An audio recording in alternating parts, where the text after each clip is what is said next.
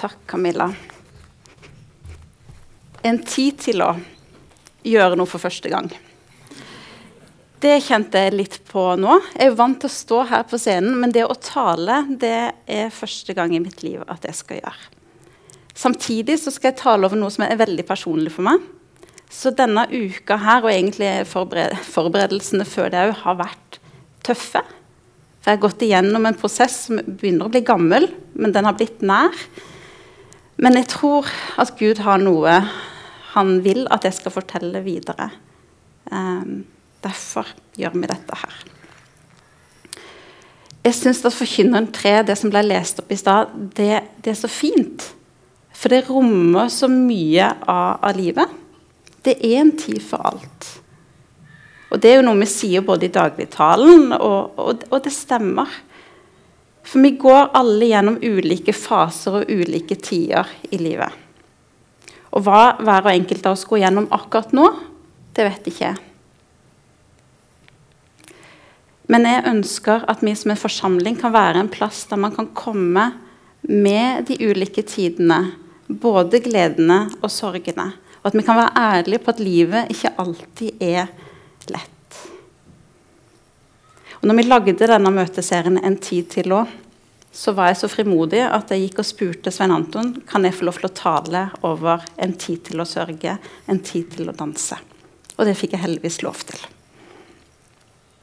For sorg det er noe alle i en eller annen grad opplever i livet. Og jeg vet at mange her i salen lever i og har hatt en stor sorg. Min bakgrunn i sorg er, og sorgarbeid det starta med egne erfaringer med sorg. Men det har jo videre vært et in interesse for temaet. Så jeg skrev en bacheloroppgave om sorg og sorgarbeid. Og jeg har jo skrevet mye om sorg som har blitt brukt i Kreftforeningens arbeid med barn og unge og sorg. Så det å fortelle om egne erfaringer med sorg, det er ikke første gang. Men jeg har aldri fortalt om hvor Gud var i sorgen min. Og det har jeg lyst til å gjøre i dag. Uten troa mi, uten Gud, så tror jeg ikke jeg hadde kommet gjennom dette her. For det er en så stor del av hvordan jeg har kommet meg videre gjennom sorgen. Kjenner jeg at dette her Jeg må drikke litt. Det har jeg bare lyst til å si. Eh, når jeg har planlagt denne talen, så jeg har fått så mange gode meldinger og oppmuntringer fra folk i forsamlinga. Og det setter jeg så utrolig stor pris på, for nå snakker jeg bare til venner. Og det syns jeg er så godt. Det skal dere bare vite. Jeg vil be litt for talen. Jesus, jeg takker for at du er her, at du er med meg, og at du har vært med når denne talen har blitt lagd. Jeg ber Gud om at gjennom mine opplevelser at jeg kan peke på det, og at noen kan få noe ut av dette her. I Jesu navn. Amen. Jeg liker den ordlyden 'en tid til å sørge'. For det er noe aktivt. Det betyr at nå er det en tid for at vi skal sette oss ned, eller bruke tid til å være i sorgen. Og bruke tid for å sørge over det tapet. Og det tapet, det kan, det kan være så mye. Jeg har hatt en definisjon den var smått når jeg skal lese den høyt. Eh, en definisjon på sorg som jeg brukte i bacheloroppgaven min. Den er gammel fordi at bacheloroppgaven min er gammel. Eh, så, som syns det rommer mye av hva en sorg er. Og den står det, den er fra Sandvik i 2003. Sorg det er reaksjoner på betydningsfulle tapsopplevelser. Et betydningsfullt tap er altså et tap av noe eller noen som hadde stor betydning for opprettholdelse av verden som stabil, meningsfull og ens eget stabile selvverd. Sorg er også betegnelsen for den langsiktige tilpasningsprosessen som innebærer å akseptere tapet og konsekvensen av det og leve videre i lys av det. En lang teoretisk definisjon. Men jeg syns den er så fin, for den viser at sorgen den er reaksjon på det å miste noe som har betydd noe for å opprettholde verden stabil. det er òg det arbeidet etterpå med å akseptere det en har mista, og finne en måte man kan leve livet videre igjen i lys av sorgen. For man blir nødvendigvis ikke den samme igjen etter et tap. Så fins det veldig mange ulike sorger og tapsopplevelser. Og det har jeg bare lyst til å få litt fram nå. For noen er mer synlige enn andre. Eh, og det å miste noen i dødsfall det er det mest synlige for alle rundt. Men det å gå gjennom et samlivsbrudd, tap av jobb, tap av helse mis, altså Tap av det, eh, det livet en hadde tenkt at det skulle bli, at livet ikke ble sånn. Man snakker jo om livssorg. At livet ikke ble sånn som man hadde tenkt. Det er òg sorg. Og ingen sorger blir rangert på hva som er sterkest sorg og minst sorg. Men jeg kommer til å snakke om mitt sorgarbeid eh, nå i denne talen. Og det betyr ikke det at jeg tror at jeg har opplevd en større sorg enn noen andre.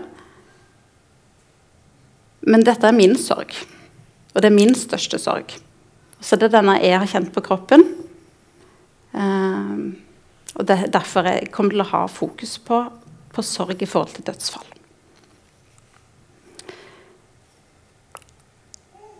Hvis jeg trykker på feil, ja. Sånn.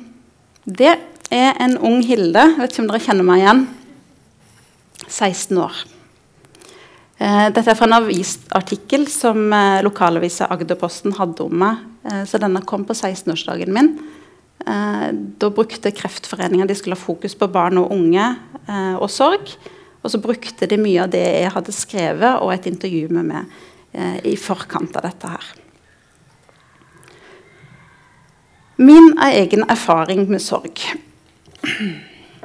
Bare gjør sånn. Den er 25 år gammel.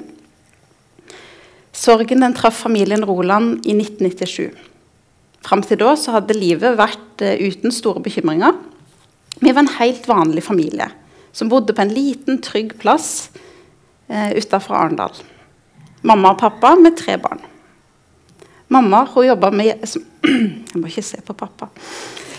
Eh, mamma jobba som hjelpe, hjelpepleier på, på, sykehjemmet for demente tre hver helg. Pappa han var bilmekaniker eh, og senere kundemottaker på Volvo.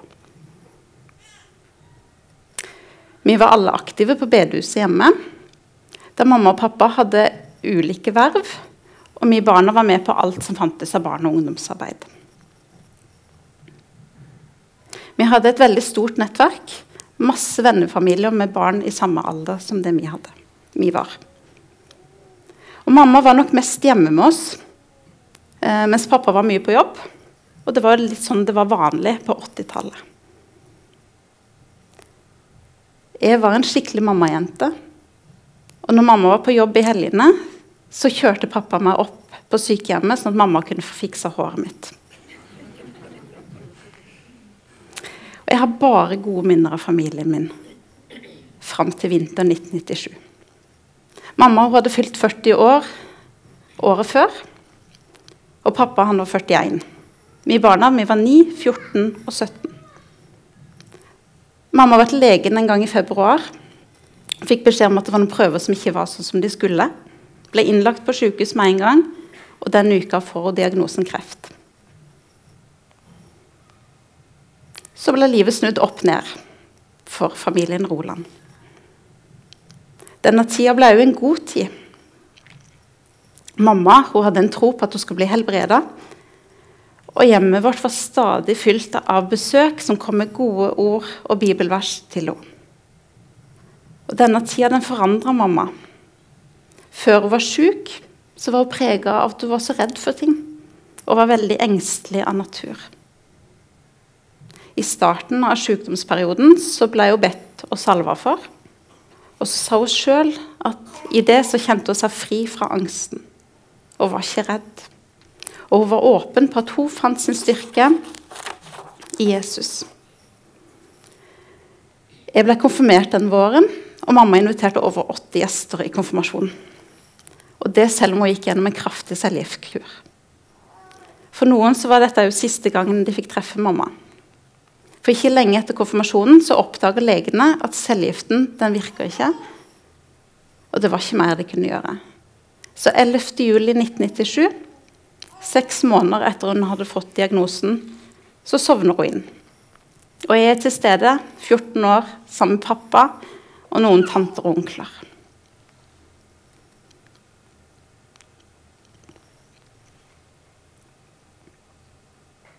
Så starter sorgarbeidet mitt, og det blir en tid til å sørge.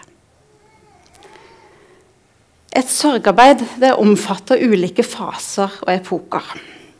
Og når jeg jobba med denne talen og så tilbake på min egen prosess, så har jeg delt denne prosessen inn i fire faser. Og Det er jo noe egentlig teorien òg gjør, men jeg går litt vekk fra det teorien sier og kaller det, og har lagt mine egne ord på de her fasene. Så har jeg sett på hvordan Gud var til stede i hver enkelt fase, og at han var til stede på ulike måter. Så det har jeg lyst til å trekke, trekke litt fram nå. Første fasen har jeg kalt praktisk og følelsesløs. Like etter mamma døde, så gikk jeg inn i en fase der jeg ikke kjente på så mange følelser. Jeg bare eksisterte. Og så skjedde det masse rundt meg med begravelse og praktiske ting. Og jeg tror ikke at jeg grein noen ting i den begravelsen. Samtidig så kjente vi en omsorg fra folk rundt oss. Og jeg likte at vi fikk så mye blomster at vi ikke lenger hadde plass på bordene, men vi måtte bare fylle opp fra gulvene i melkekartonger.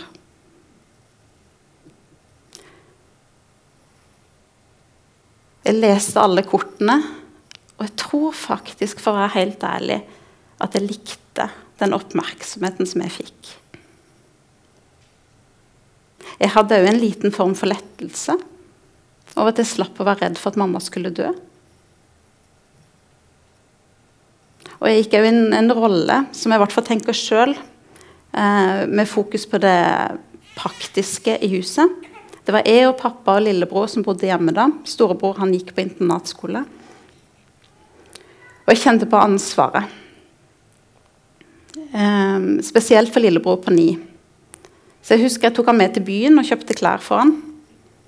Jeg lagde middagsplan, og jeg lagde middag. Og samtidig så isolerte jeg meg fra venner og flykta inn i TV-en. Og jeg syntes det var godt å sitte og se på masse TV-serier. I den fasen der så var jeg nok likegyldig til Gud. Jeg var nok skuffa over at han ikke hadde gjort mamma frisk, men jeg kjente ikke på noen sterke følelser. Men i denne tida er jeg helt sikker på at Gud han bar meg i armene sine, og han holdt rundt meg. Jeg vet òg at vi ble løfta fram i bønn fra mange rundt oss. Så når vi ikke hadde ord sjøl for å be, så ba for andre folk for oss. Jeg tror òg at en forsvarsmekanisme som slår inn rett etter et tap Det at jeg ikke følte så mye, tror jeg rett og slett er at hvis jeg hadde tatt inn over meg alt som 14 år gammel jente for hva som lå foran meg i livet, så tror jeg faktisk ikke jeg hadde kommet gjennom det. Og jeg bruker av og til så sterke ord som at jeg tror ikke jeg hadde overlevd. Så kom den tyngste fasen. Den har jeg kalt savn og mørke tanker. Det var den tyngste, og den varte lengst. Eller lenge. Det var nå tomheten og savnet kom. En dag gikk det opp for meg at mamma hun kom ikke til å komme tilbake igjen hele livet hadde jeg vært plaga med at jeg lengta så mye hjem. Så jeg kunne ikke dra på leir uten at mamma eller pappa var med. Og jeg måtte som regel alltid bli henta hvis jeg skulle overnatte hos en venninne, for jeg lengta så hjem etter mamma. Da slo det meg at jeg kommer til å lengte etter mamma hele livet. Jeg kommer aldri til å komme hjem til henne lenger. Og da kommer alt savnet over at jeg alltid ikke skulle få oppleve sammen med henne. Alle tradisjonene som jeg hadde hatt med andre mødre og døtre, de ble jeg nå med på alene. I denne tida så flytta jeg på Drottningborg videregående, som er internatskole i Grimstad. Og hadde nok håpa det å komme bort hjemmefra skulle bli bedre. Og det ble det en måned. Men etter det så ble det veldig mørkt. Og jeg hadde en periode, periode som ble nesten for tung for meg, og det ble en mørk tid. Jeg fikk heldigvis god profesjonell hjelp da, i den perioden. Samtidig så var jeg så sint på Gud. Jeg var så sint på at han ikke hadde helbreda mamma, sånn som jeg hadde opplevd å få løfter om. I denne tida så hadde jeg mange gode venner, og noen enkelte ble veldig viktige for meg. Og I samtaler med Dia så kunne jeg si at jeg trodde ikke lenger på Gud, og at jeg fikk lov til å være sint. Men de vennene de viste meg hvem Gud var, eller er.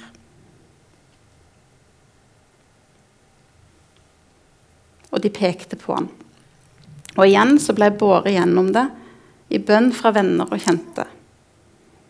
Og Et bibelvers som jeg fikk i denne tida, som fikk bety mye for meg, det var Matteus 11,28.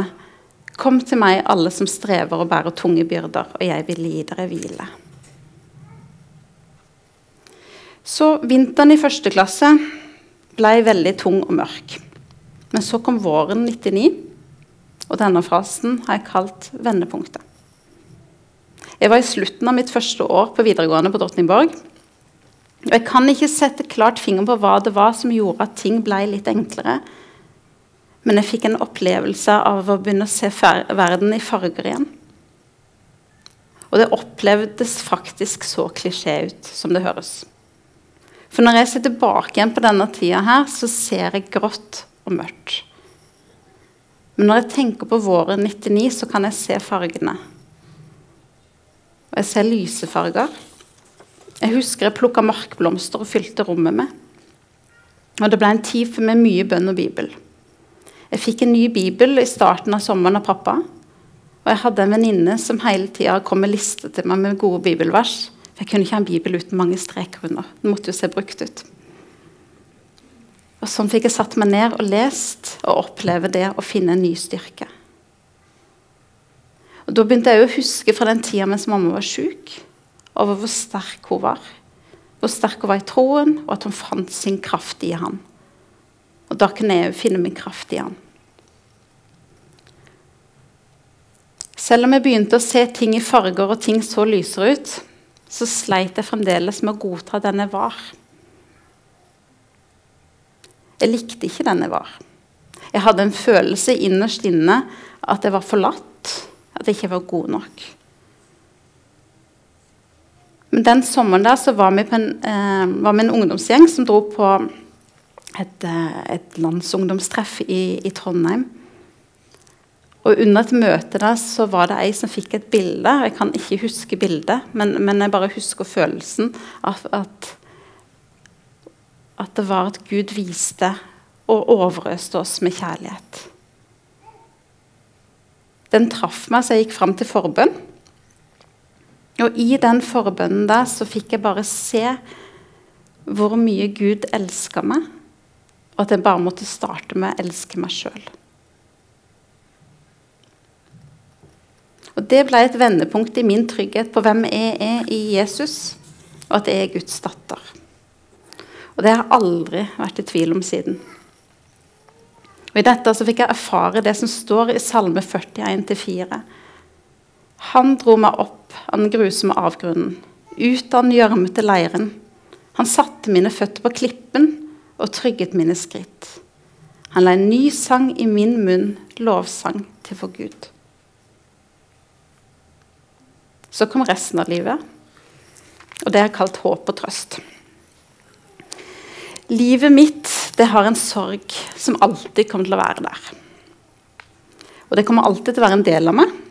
Og med jevne mellomrom så, så, må jeg fremdeles ta meg tid til å sørge. Og da sørger jeg over tapet og savnet av mamma som person. Men òg det at jeg måtte gå gjennom mesteparten av livet mitt uten en mamma. Og I noen situasjoner i livet så har savnet og sorget vært større. Naturlig nok. Som da jeg flytta hjemmefra, fikk kjæreste, gifta meg, fikk utdannelse, fikk barn og mange andre opplevelser som jeg gjerne skulle hatt med, med meg mamma i. En måte jeg har sørga på, er å skrive brev til mamma.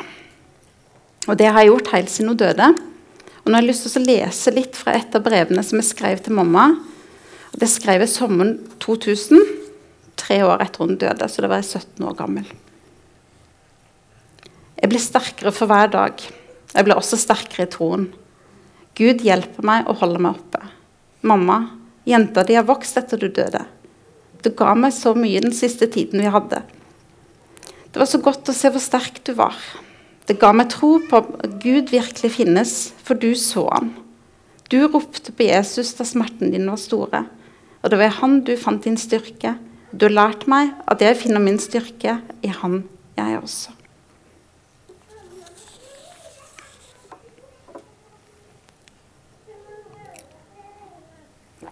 Brevene har blitt noe færre med årene. Men med store begivenheter så har jeg fremdeles skrevet, skrevet mange brev til mamma. Og fremdeles må jeg ta meg tid til å sørge. Kanskje med at jeg gråter litt. Og noen ganger så har det vært mer langvarig og tøff. Men jeg har lært meg å leve med sorgen. Så jeg har lyst til å si litt om Nei, trøst. I Matteus 5, 4 så står det Salige er de som sørger, for de skal trøstes. Og Det er et vers som jeg alltid har likt godt. For her står det at de som sørger, skal trøstes. Og jeg vet at jeg har blitt trøsta på ulike måter gjennom hele livet. Det har vært gjennom mennesker jeg har møtt, som har kommet med oppmuntringer eller vært til stede. Jeg har blitt trøsta gjennom Bibelen og det å vite at Gud han er med meg, og han ser meg, og at han elsker meg. Og til slutt så har det vært en trøst for meg å vite at mamma er i himmelen og at en dag så skal jeg få treffe henne igjen. Så vet jeg at sorgen og trøsten de har vært med å forme meg til å bli den jeg er. Og jeg håper at jeg har vært, og at jeg videre kan være en som kan trøste andre som sørger. Og I 2. Korinterne 1,4 så står det noe som jeg har hatt med meg som et mål og et håp om at jeg av og til kan få, få til. For der står det han som trøster oss i all vår trengsel, for at vi skal kunne trøste dem som er i all trengsel, med den trøsten vi selv har blitt trøstet med av Gud. Så verset Der står det jo en tid til å sørge, men det står òg en tid til å danse. Jeg tenkte lenge på om jeg skulle ha det med i talen, og hva som menes med det. Og jeg kunne òg tatt det bokstavelig. Eh, for i den tida så, så streka jeg under det verset i Bibelen. For jeg var så glad i å danse. Jeg brukte mye dansen i lovprisningen min til Gud. Men nå i denne sammenhengen så tenker jeg på dansen som et bilde. Et bilde på gleden i livet. Og igjen, det å danse, det er noe aktivt. Det er en tid for å være i gleden, være takknemlig og danse. Min kloke pappa sa på fredag, når vi snakka igjennom denne talen, at han, når han begynte å takke over det han hadde fått i livet, så begynte det å snu til at han kunne kjenne glede igjen. Og for meg så representerer dette bildet takknemlighet, glede og dans. Dette er et gammelt bilde av vårt midterste barn Nelly. Og helt fra mamma døde, så ønska jeg at jeg kunne få en jente som jeg kunne kalle opp etter mamma. Så jeg kjente at noe falt på plass da jeg kunne få en Nelly igjen i livet mitt. Jeg kunne funnet veldig mange andre flottere bilder av Nelly. Eh, men dette bildet det gjør noe med meg. Jeg bare blir glad av å se det bildet. Og jeg klarer ikke å se på det bildet uten å la være å smile. Og det er nok noe med denne kroppsholdningen og det blikket for det er så karakteristisk for den hun var når hun var liten. Og fra Nelly var, var liten, så var hun ei lur jente som fikk alle som var rundt henne og i rommet sammen med henne, til å, smile og le og danse. Og det å danse, det å se alle de små og store velsignelsene som jeg får, og få være takknemlig for. Det å være takknemlig for det jeg fikk. Jeg fikk en god mamma og en trygg barndom i 14 år Å glede seg over det jeg har. Jeg er utrolig heldig. Jeg har en stor og god familie og mange gode venner. Og òg takknemlig for det jeg kommer til å få videre i livet. Her er et bilde av mine tre største velsignelser og gleder, og min største grunn til å danse. Det er et, det er et fem år gammelt bilde av barna våre som vi tok med grava til mamma 20 år etter hun døde. Barna våre har et veldig naturlig forhold til at de har en mormor Nelly i himmelen. Og vi snakker åpent om henne. Og når vi er på Sørlandet, så går vi ofte innom den grava der med blomster. Og de syns at de er heldige, for de har tre bestemødre. De har bestemor på stort, bestemor til morfar og mormor Nelly i himmelen.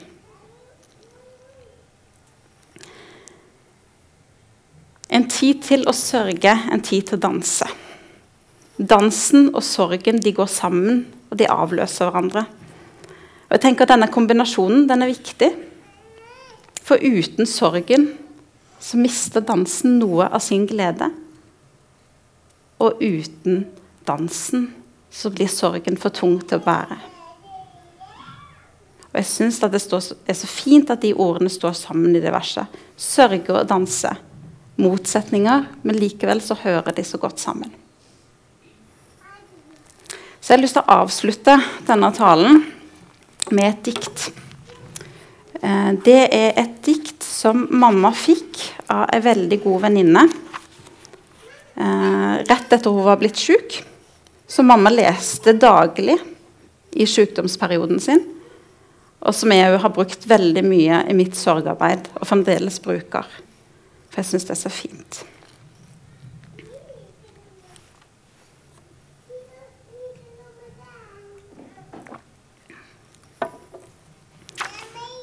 Dagene veksler av lys og mørke. Omgivelsene skifter med fruktbarhet og tørke. Når livets erfaringer blir tunge å bære, da får du i livets skole lære at han bærer deg og din tunge byrde. Han tar alt på seg, den gode hyrde. Når likevel du sliter og fortsetter å bære, han hvisker deg mildt, som din dag er, skal styrken din være. Vi kan iblant oss undre, du er jo så sterk. Du er i Herrens hender, du er Herrens verk. Der stormene kommer og bølgene slår, med roret vår trofaste Herre står. Han ber deg om å ha glede, din glede i Han, og lover deg fred over all forstand. La oss hjelpe hverandre og gleden dyrke, for gleden i Herren skal være din styrke. Når dagens smerte og uro deg plager, han har også råd for slike dager. Vær ikke redd, for jeg er din Gud. Jeg hjelper deg og støtter deg, hør hans bud. Da vender han sorg og uro og smerte til glede og fred i et håpefullt hjerte. Og dagen i dag, det er den du har. I dag er den nyeste gaven fra far. Men gaven må åpnes og brukes i dag. Den kommer aldri igjen, er unik i sitt slag. Til hver ny dag du hans løfter får, se, jeg er jo med deg, det er jeg som rår.